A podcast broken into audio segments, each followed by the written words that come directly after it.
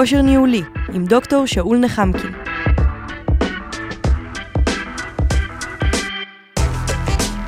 והפעם, תפיסה ניהולית מערכתית.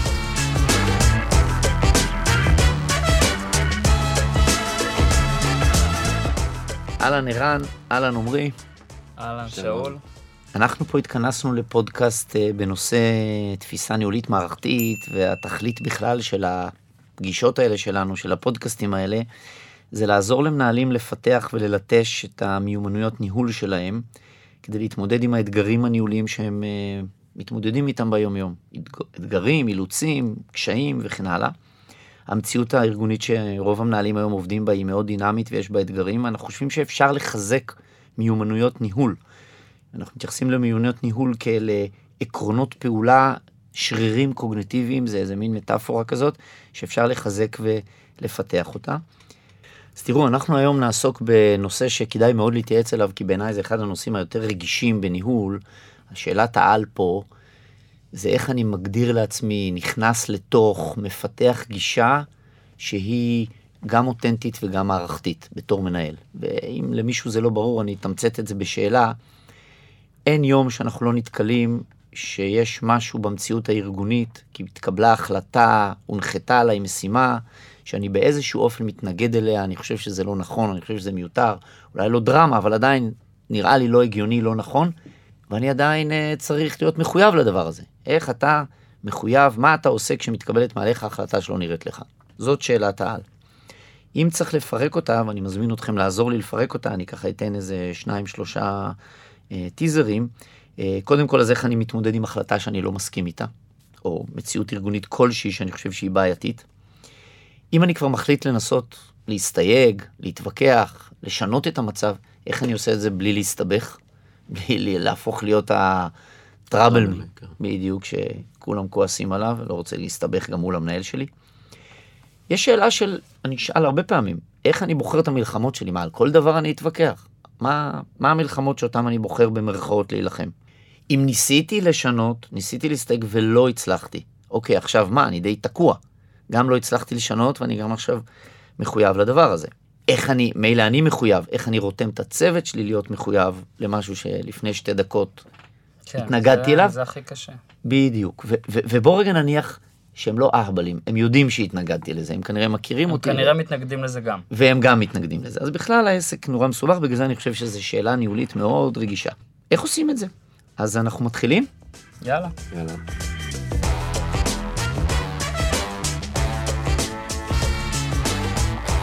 טוב חבר'ה, אז אני נותן דוגמה. התקבלה מעליכם החלטה כלשהי, יכולה להיות מינורית, בינונית, גדולה, שאתם חושבים שהיא בעייתית. מאיזושהי סיבה אתם מתנגדים לה או חושבים שהיא לא נכונה. מה הדבר הראשון שאתם בדרך כלל עושים? קודם כל אני חושב שצריך להבין את הסיבה. זאת אומרת, מה הרציונל מאחורי ההחלטה. זאת אומרת, בסופו של דבר אנחנו לא כופים שרק, אה, כופים בקוף, כן. שרק אה, מבצעים משהו. הגיוני שנבין מה, מה השיקול דעת שעמד מאחורה, אולי גם זה, זה יפחית את ההתנגדות הראשונית שאנחנו אה, בצורה אינסטינקטיבית אה, אה, אה, מרגישים. ואם אתה לא יודע? אתה לא יודע מה הסיבה. יפה. עכשיו, אם אני, לא- אוקיי, אם אני לא יודע מה הסיבה, קודם כל אני יכול להביע את דעתי על הדבר הזה. כי תמיד אה, אה, יכול להיות שאני אוכל להשפיע, mm-hmm. שאני אוכל להשפיע על ההחלטה, שאני אוכל לשנות אותה, mm-hmm. שאני אוכל להעיר בצורה אחרת גם למנהלים שלי את, אה, את, את ההחלטה, ואולי אני אוכל גם להשפיע על השינוי שלה. זה אומר שאתה צריך ללכת ולהסתייג מזה. ללכת לדבר עם מי שהחליט, או לפחות עם המנהל שלך על העניין הזה. כן, מסתתרת מאחורי מה שאמרתי איזושהי הנחה שאומרת שאני בעצם כעובד לא מפחד לבוא ולהגיד את דעתי על, על ההחלטה, או לנסות להשפיע עליה. למה אנחנו לפעמים מפחדים? כל אחד מאיתנו בטוח נתקל במצב שהוא חשש, נמנע, פחד, הרגיש לא נעים. כי לפעמים אתה לא רוצה באמת להצטייר כטראבל מייקר או כבן אדם המתנגד שיש לו אה, כל דבר אה, מה להגיד עליו. בשורה התחתונה ללכת ולהסתייג ממשהו, בטח מול קולגה שלך או מול המנהל שלך, או מול המנהל של המנהל שלך, זה לא דבר פופולרי. אין פה, אין פה משהו נעים, אין פה נעימות. לא, זה, אני, לא, אני לא מסכים, זה תלוי מה ההסתייגות. אם, אם זה דיון, אם זה נגיד, עזוב, קיצור לוחות זמנים זה משהו מאוד מסוים, אבל אני מניח גם עמרי שאתה מתמודד הרבה פעמים שמישהו בא עם גישה מסוימת, ואתה מביא עוד גישה, מס... כאילו ברגע שיש דיון, והדבר הזה ככה מתגלגל, ומציגים את כל הזה, ואפשר לעשות דיון פתוח על הדבר הזה, ובסוף יש החלטה אחרת. שלא הצלחת לשכנע, לא הצלחת למכור את הרעיון שלך, זה משהו אחר מאשר באים אליך וישר אומרים לך, טוב, ת, תעשה ככה וככה, אף אחד לא אומר, אין ואקום כזה. אני לא חושב ש... כאילו... אבל אני אגיד לך, אין דבר כזה שאני עושה צעד אחד בלי שאני יודע למה אני עושה אותו, כי אני צריך לתקשר את זה לאנשים תחתיי, אני לא יכול...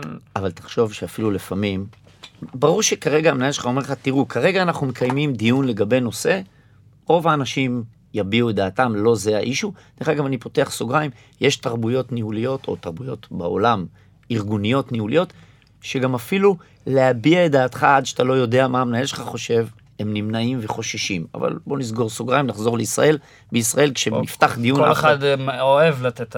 בדיוק. כולם יועצים. עדיין יש חסמים פה, כי זה לא פופולרי, כי אם אתה לא יודע מה המנהל שלך חושב או מה השיקולים, עצם זה שאתה שואל אותו למה החלטת ככה, יש מנהלים, חלק מהמאזינים שלנו אולי אפילו, שזה לא נעים לשאול את השאלה, כי בעצם השאלה אתה כאילו מערער פה על ה... מה, אתה לא חושב שקיבלתי החלטה נכונה?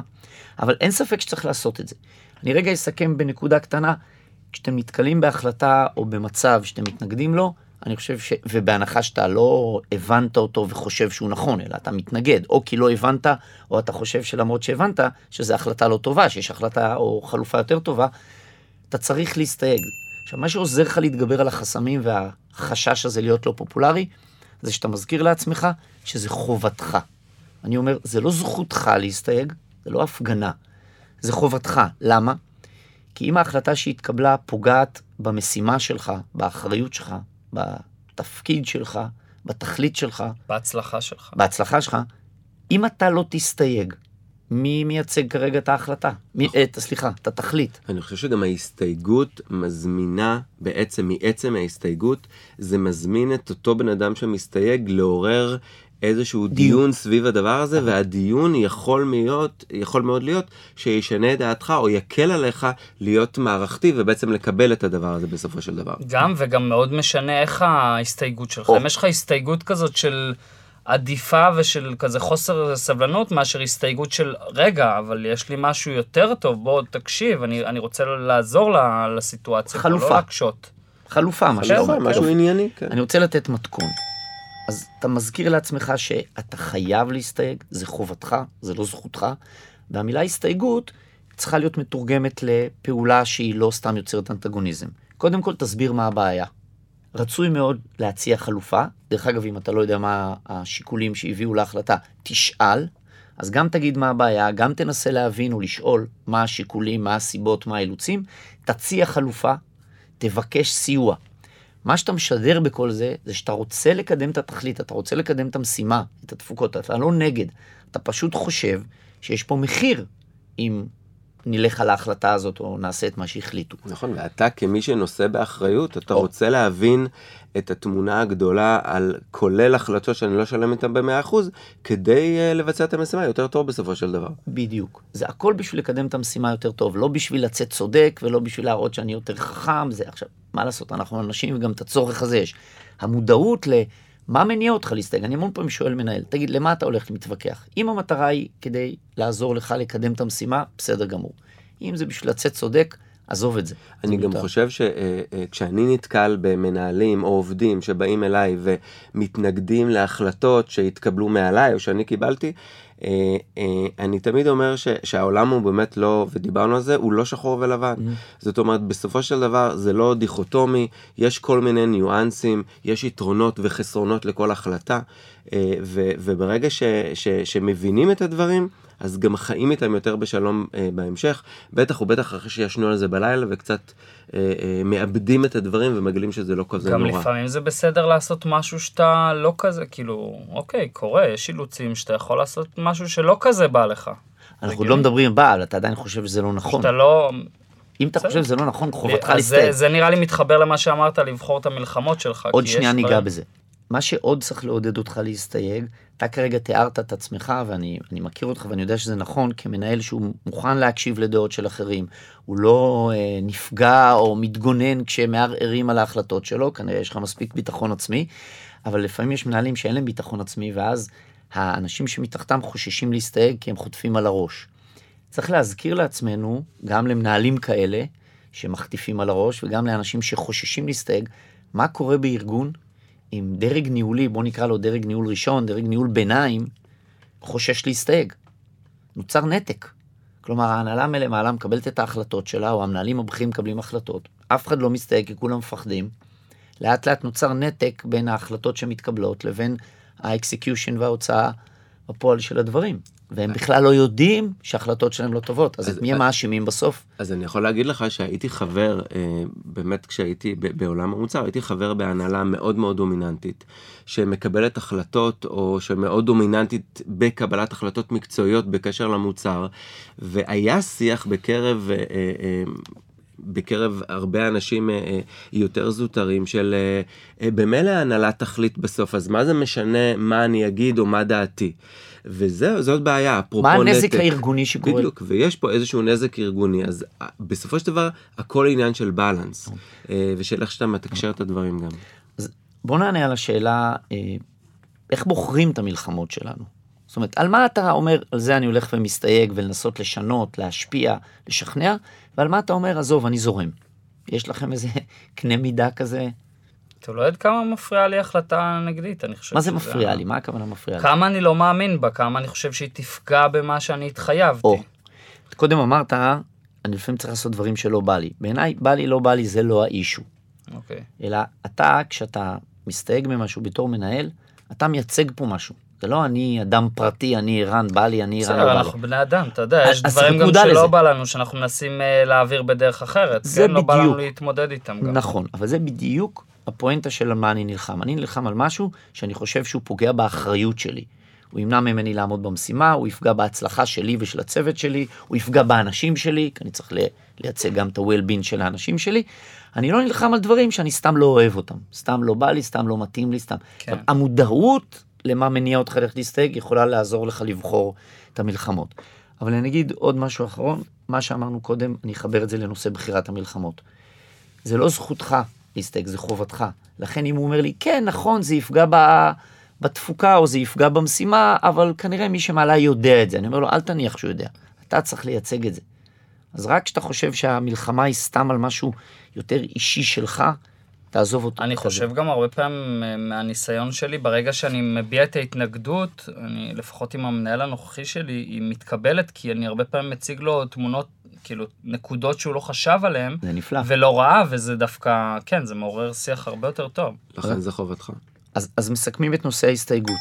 אתה מסביר מה הבעיה, אתה מציע חלופה, מנסה להבין גם מה השיקולים, מה הסיבות, אולי תתחבר לזה, אולי תבין את זה, אתה מבקש סיוע.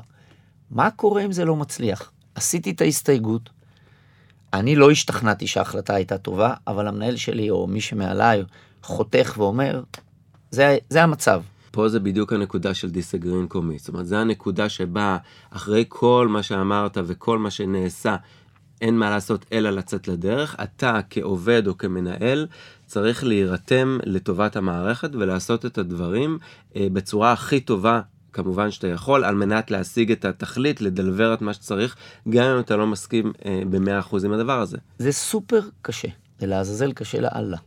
מבחינה פסיכולוגית לדעתי זה מאוד מאוד קשה. זה... הרגע נלחמתי על משהו, ניסיתי נכון. להתנגד, עצבנו אותי עוד יותר בזה שלא קיבלו את דעתי, אז אתה אומר לי עכשיו אני מחויב לזה. א', זה מאוד מאוד קשה, פה אני חושב שהמנהל גם צריך מאוד מאוד להיכנס לפעולה. איך הוא יכול לעזור? כי המנהל, המנהל צריך לעזור, א', הוא מאיר באלף אה, את, את, את אותם נקודות שהיה קשה לעובד לקבל, להזדהות כן. ולקבל.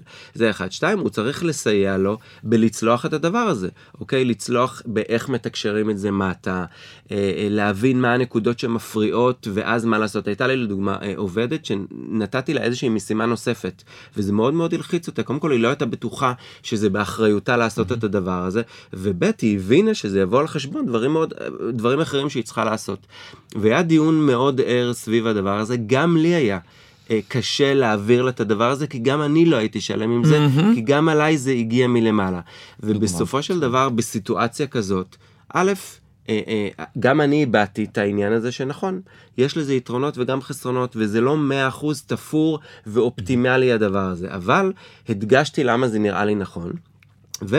אה, עבדנו ביחד על מה הפעולות שעכשיו צריך לעשות כדי להוביל את הדבר הזה שפחות היה מוסכם. אה, אבל היה לי חשיבות נורא גדולה פה כמנהל, וזה בסדר גם כמנהל להביא את ההסתייגויות שלי בעצמי. זאת אומרת, גם זה בסדר לבוא ולהגיד, גם אני לא הייתי שלם עם זה מההתחלה, אבל אלה היתרונות של הדבר הזה, ולכן אני חושב שצריך ללכת איתו למרות הכל. זאת אומרת, האותנטיות פה כמנהל mm-hmm, mm-hmm. שבעצמו לא שלם עם הדברים, היא מאוד מאוד קריטית והיא כבר מורידה התנגדויות. אבל מצד שני אתה, יש חשש, כן, אם אתה יותר מדי אה, זה, אני לא רוצה להתחיל עכשיו ליצור איזושהי תסיסה כזאת בצוות. אני קורא לזה חריגה או, לחוסר או לויאליות. גם, זה גם, גם חריגה לחוסר לויאליות וגם מה זה אומר עליך שאתה נכון. לוקח על עצמך דברים נכון שאתה... מאוד. בוא ניתן מתכון, אבל שנייה לפני המתכון אני רוצה להחזיר אותנו לדוגמה שאתה נתת לעובדת שלך. ממש תיכנסו רגע לנקודת הזמן הזאת. היית בחדר של המנהל שלך, התנגדת, עשית את כל מה שצריך, הצעת חלופות, לא קיבלו את דעתך. בוא נגיד שאפילו המנהל שלך היה ניסה לעזור, כיוון אותך, הסביר לך, אתה עדיין לא השתכנעת. נקודת הזמן הזאת, יש אופציה שלישית, כי לדעתי המון פעמים מנהלים נופלים באופציה השלישית. אני אגיד לכם מה היא, תגידו לי מה דעתכם על זה. הוא אומר, אוקיי, לא הצלחתי לשכנע את המנהל שלי, לא השתכנעתי ממנו, אני עדיין לא מסכים איתו. אני יושב על הגדר, אני קורא לזה מצב הביניים שהוא הכי גרוע שיש. כלומר, מצד אחד אני מפסיק להתווכח איתו, נגיד לצורך העניין יוצא מהחדר שלו, אז מבחינת המנהל שלי, נגמר הוויכוח, אני התחייבתי. מצד שני אני מרגיש שאני לא מחויב לזה, אז אני גורר רגליים, אני על הגדר, אני לא באמת מחויב, אני לא אעשה כל מאמץ כדי להוציא לפועל, אני גם בטח לא ארתום את עובדים שלי. מצב הביניים הזה בעיניי מבחינה ארגונית... הכי הכי גרוע שלי. נכון, זה בעיה למעול בתפקיד, וזה צורה של אדישות, שזה הדבר הכי נורא, אדישות למה שקורה סביבך.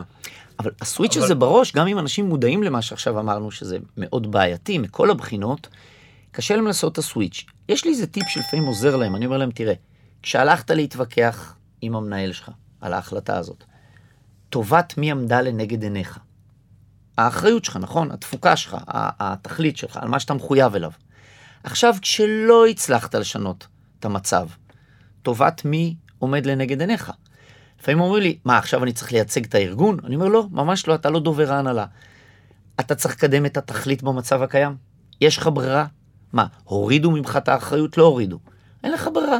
תגייס את עצמך ותגיד, אני לא עושה פה טובה למנהל שלי, אני לא מייצג, אני לא דובר ההנהלה, אלא עברתי ממצב שבו ניסיתי לשנות את המצב או את ההחלטה לטובת התכלית, לא הצלחתי, אני עדיין אחראי לקדם את אותה תפוקה, אותה משימה במצב הקיים. נכון, המצב הקיים מחורבן.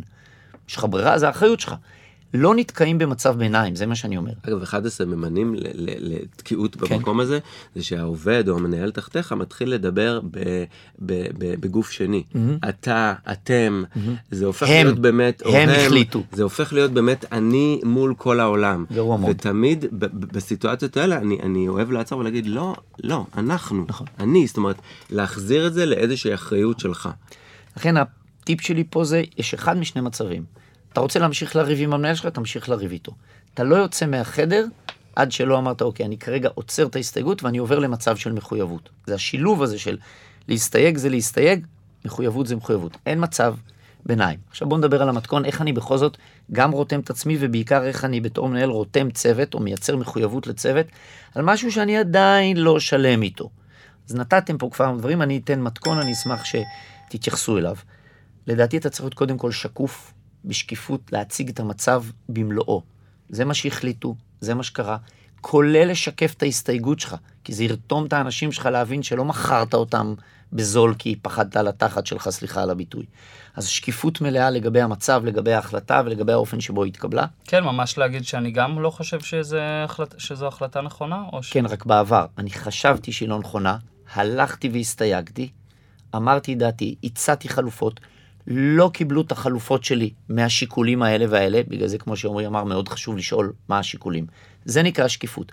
אני לא אומר ו... שאני לא מחויב, אתה יודע למה אני לא אומר את זה? כי זה לא נכון. אני גם לא אומר שאני לא מסכים, אני יכול להגיד שלא הסכמתי בעבר. אם שהכי... באתי אליהם, סליחה. ואני חושב שהכי חשוב זה אחרי כל מה ששאול אמר, להגיד מהם היתרונות או. של ההחלטה שכן התקבלה. נכון. זה כבר איך לגייס את האנשים, זה נכון. כבר שנייה לפני היתרונות אבל... עוזר, בהנחה שאתה לא... ממש עכשיו מתנגד לדבר הזה. אין לך ברירה, אמרנו, אתה עשית סוויץ', אין מצב ביניים. אז אם כבר הלכתי לעובדים, אני קודם כל בשקיפות. לפני שאני מראה את היתרונות, זה קצת עוזר. עוזר לאנשים גם להקל, כי תזכור שמבחינתם הם כרגע שמעו לזה פעם ראשונה, הם לא עברו עיכול עוד. חוץ משקיפות לתאר את המצב שהיה ולאן הגענו עכשיו, אני חושב שעוזר להיות טיפה גם אותנטי ולהגיד, נכון, אני גם בא עם כאב בטן, אני גם בא עם קושי, אבל מיד לעבור לדוגמה אישית. אני מחויב לדבר הזה. עכשיו ישאלו אותך, אז למה אתה מחויב? ואז אתה מונה את הסיבות שאמרו לך, כולל אם יש פה גם יתרונות מבחינתנו. אז יש פה שקיפות, איזושהי אותנטיות, דרך אגב, אפשר גם לגלות פה רגישות, כי אם אתה קולט שאנשים מתחילים להביע את כל התסכולים, אל תהדוף אותם ישר, הם צריכים זמן עיכול. אמפתיה, להגיד, חבר'ה, אני מבין את הכעס, אני מבין את האנטי. גם אני לא שמח מזה, גם אני לא שלם עם זה. אבל לא לחרוג באותנטיות שלי, כשאני משתף במה שאני מרגיש, לא לחרוג בחוסר לויאליות, שזה הגבול הדק לפסול את ההחלטה, או להגיד הם, או להגיד זה טעות, אבל אין מה לעשות. מותר להגיד, כן, זו החלטה מרגיזה, אבל אני מחויב אליה, ואז לעבור לדוגמה אישית. אני מחויב אליה, ולא רק בלהגיד אני מחויב, להראות איזה פעולות אתה הולך לעשות עכשיו, כדי לגרום לתכלית הזאת, לתפוקה הזאת, למשימה הזאת, לצאת לפועל. זה גם עוזר להתגבר על הכעס, כי אני עדיין מחויב לתכלית, אני לא נציג ההנהלה. אבל יש עוד נקודה אחרונה פה, במתכון הזה של איך מייצר מחויבות. אחד הדברים הכי רגישים בסיטואציה הזאת, זה שאתה נורא מזדהה עם העובדים ועם הכעס שלהם, ואז אתה מתחיל להרגיש רגישות אשמה, או הזדהות יתר, שאני קורא לזה, נעשה להם עוול.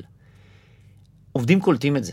קשה מאוד לייצר מחויבות אצל אנשים, אם אתה לא אה, דורש מהם, ממש סמכותיות. לכן החלק הרביעי במתכון, מעבר ללהראות את היתרונות וכן הלאה, זה לדרוש. אני חושב שנגעת פה בנקודות מעניינות שחשבתי עליהן גם.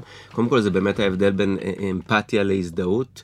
זה, זה משהו מאוד מאוד חשוב, אה, ההבחנה בין מה זה אמפתיה ומה זה הזדהות. אתה לא רוצה להראות over הזדהות, אבל זה בסדר לגלות אמפתיה, זה אחד. ושתיים, אני חושב שיש נטייה במצבי מעבר כאלה. אה, קצת אה, להתבחבש וקצת over לרחם ו over לנתח דברים, יש מקום לך כמנהל להגיד, בסדר, הבענו את הכל, ניתחנו, הסברנו יתרונות, הקשבנו, הזדהינו, גילינו אמפתיה, זה המקום להגיד, סבבה, דיברנו על הדברים, יוצאים לדרך. אין זמן עכשיו אה, אה, יותר מדי להיכנס אה, לבור השחור הזה. אפרופו אין זמן, ואם בשיחה הזאת עם האנשים, שאתה, הם מעלים הסתייגות שאתה לא חשבת עליהם, יפה, אז קודם כל יכול לקרות דבר כזה, mm-hmm. וזה בסדר אה, או לפתוח את הדברים או להעביר את זה הלאה לממונים ולנסות אה, לבחון מחדש את ההחלטה. ובינתיים, ובינתיים, הולכים על פי מה שהוחלט, בוודאי. זה בדיוק היכולת לשחק עם שני המצבים האלה בלי מצב שלישי. אני יכול להסתייג ולהמשיך ולהסתייג, בינתיים אנחנו מחויבים ועושים כל מה שאפשר לעמוד בו. עכשיו, כמו שאמרנו שיש סכנה בזה שמנהלים לא מסתייגים, ואמרנו שיש נתק בין ההנהלה לארגון, מה קורה כשמנהלים לא משתמשים בחלק השני של השריר, שזה היצירת מחויבות על החלטות או על מצבים כאלה? מה קורה בארגון אם המנהלים בעצמם לא מפגינים מחויבות או לא דורשים מחויבות? ארגון לא יכול להתקיים בצורה כי, כזאת. כי, למה בעצם? כי ארגון בנוי על, על המנהלים שלו, על יכולות ניהול שלהם, על הרתימה שלהם את הצוותים שלהם. אמ, הצ, הצבא צועד על קיבתו, זה הדרך היחידה להתנהל. Mm-hmm. אז זה גם הסכנה, שלא יהיו לך אנשים רתומים או אדישים או לא אקאונטבל לפעולות שלהם. ו- ומי שמלמעלה לא ידע את זה גם, לא תמיד הוא יודע, כי הרי אתה לא הסתייגת, אז הם לא יודעים שיש התנגדות, אבל אתה גם לא מחויב ולא מייצר מחויבות, אז אנשים גוררים רגליים. אבל או... גם אם לא הסתייגת כעובד, אני חושב שהמנהל בסופו של דבר, על פי הפעולות בשטח, יזהה שמשהו לא מתנהל כמו שצריך. אני מאוד מקווה. אה, כן, כן, כן, שהוא יזהה מהר מאוד, ואז הוא יבין מה המקורות של הדבר הזה ויטפל בזה. נכון. אז אם אתם בתור דרג ביניים או מנהלים בכלל, לא מסתייגים למעלה, הם יוצרים נתק של ה... ראש הארגון מהגוף של הארגון. אם מנהלים לא אה, מייצרים מחויבות ודורשים מחויבות, גם במצבים שהם מתנגדים אליהם, הם יוצרים נתק בין המנוע של הארגון, אין מי שעושה execution, ואם עושים execution עושים אותו בגרירת רגליים. ואני מזהה את המצבים האלה לא מעט בארגונים, בעיקר אחרי שעוברים איזשהו כישלון, איזשהו פרויקט שנכשל, או, או, או משבר כזה או אחר. למנהלים בדרג הביניים נורא קשה לייצר מחדש מחויבות לאנשים. ואז אני תמיד אומר להם, תזכרו את מי אתם מייצגים. אתם מייצגים איזושהי תכלית תפוקה. מזה כולם חיים פה, מזה שאנחנו מדברים תוצאות, ומזה מרוויחים כסף. אם אתם לא נלחמים למעלה או מצטייגים למעלה, אתם חוטאים לתכלית שאתם אחראים עליהם. אם אתם אחרי זה לא מחויבים לדברים ולא מייצרים מחויבות לאנשים שלכם, אתם חוטאים, שוב, לתכלית. אז אתם בעצם לא צבועים כשאתם גם מסתייגים וגם מחויבים. אותה טובה עומדת נגד עיניכם. דרך אגב, לא אמרנו בעצם, למה זה כל כך חשוב כשאני מנסה לרתום למחויבות, להיות אותנטי ולהיות אמפתי? איך זה עוזר למחויבות? אם לא תהיה דבר ראשון, יהיה קשה לך, נראה לי, לזייף את זה. כאילו, אם אתה... יראה רע. לך שאתה לא... זה, כאילו, לשמור משהו שהוא לא אותנטי, זה... שמה זה יוצר? מריחים את זה מקילומטר. נכון, זה יוצר תחושה של חוסר אמינות. חוסר, זה נקרא לא בטח. אמין. אמון זה בסיס למחויבות. עכשיו, ברגע שאתה בתור מנהל שקוף לגבי הדברים, אותנטי, אבל לויאלי, אתה בונה איזושהי תחושת נאמנות ואמינות. ואז גם יותר קל לתת דוגמה אישית ולדרוש מחויבות כן. בתוך כל... מק מנוכר כזה זה הכי, הכי גרוע שיש, mm-hmm. כאילו. זה מזכיר לנו שאתה צעיר, אם אמרת מק, אתה זוכר עוד מה זה מק? אומרים. כל הסיפור הזה הוא גם יותר קשה, אתה לא סתם אמרת מק, כי מ"כ, למי שלא יודע, זה מישהו שחי עם האנשים, הוא לא קצין שאוכל בחדר אוכל קצינים, אם זה חיל האוויר, כן? אה, או אני לא יודע מה. להיות ראש צוות שמתמודד עם הסיטואציה הזאת זה מאוד מאוד קשה, כי אתה חבר של אנשים, אתה חי איתם, הם יודעים מה אתה חושב. נורא צריך להחזיק בראש כל הזמן את השריר הזה. חובתך לייצג את הצוות ולהסתייג כשמשהו לא בסדר, אבל אתה כל הזמן במקביל מחויב. ואפרופו מאק, אז יש את הביטוי של סגמת, אז אני חושב שאחד כן, מהדברים, אחד הדברים הכי שמאפיינים מנהלים צעירים זה שהם, בגלל שהם לא אותנטיים והם כל כך חוששים, הם עלולים להצטייר כ... כמה שקוראים לו סגמת של, של אני המפקד, אני מחליט, אני יודע מה טוב ו, ואל תגידו מה לא טוב. זה אז... בדיוק, מיקמנו את זה. בואו נתחיל טיפה ככה אה, לסכם. אז גם דיברנו על הנושא הזה של בכלל להיכנס לראש של תפיסה ניהולית מערכתית, זה אומר שאני מייצג את האחריות שלי, את ה... התפוקות ואת התכלית שאני אחראי עליהן. זה לא אומר שאני צריך לייצג את ההנהלה, וזה לא אומר שאני מייצג את העובדים. שזה אומר שאני צריך, בעיקר במצבים שבהם אני חושב שיש בעיה, או אני מתנגד להחלטה כזו או אחרת, שאני צריך גם להסתייג כלפי מעלה, מתוך מטרה לשנות את המצב או את ההחלטה לטובת התכלית, אבל במקביל לבין אם הצלחתי לשנות את המצב או לא הצלחתי לשנות את המצב, אני מחויב לקדם את התכלית במצב הקיים, גם אם המצב הקיים מרגיז. הנקודה האחרונה שנגענו בה זה המינון העדין הזה בין חשוב להיות אותנטי, אבל גם להיות, לשמור על הלויאליות. אתה לא מזדהה הזדהות יתר עם האנשים במובן של חוסר לויאליות, אבל אתה גם לא תופס איזשהו מרחק שאני קורא לזה ממלכתיות יתר. השילוב הזה של אותנטיות ולויאליות מאפשר לך להיות בתווך הזה בין הדברים. אחלה, זה שריר לא פשוט, אבל אה, כן. התמודדנו איתו בסדר. שזה אנחנו פה. כן. ובפרק הבא אנחנו נעסוק בתפיסה מערכתית. תודה לכם. יאללה, תודה, תודה רבה שבוע.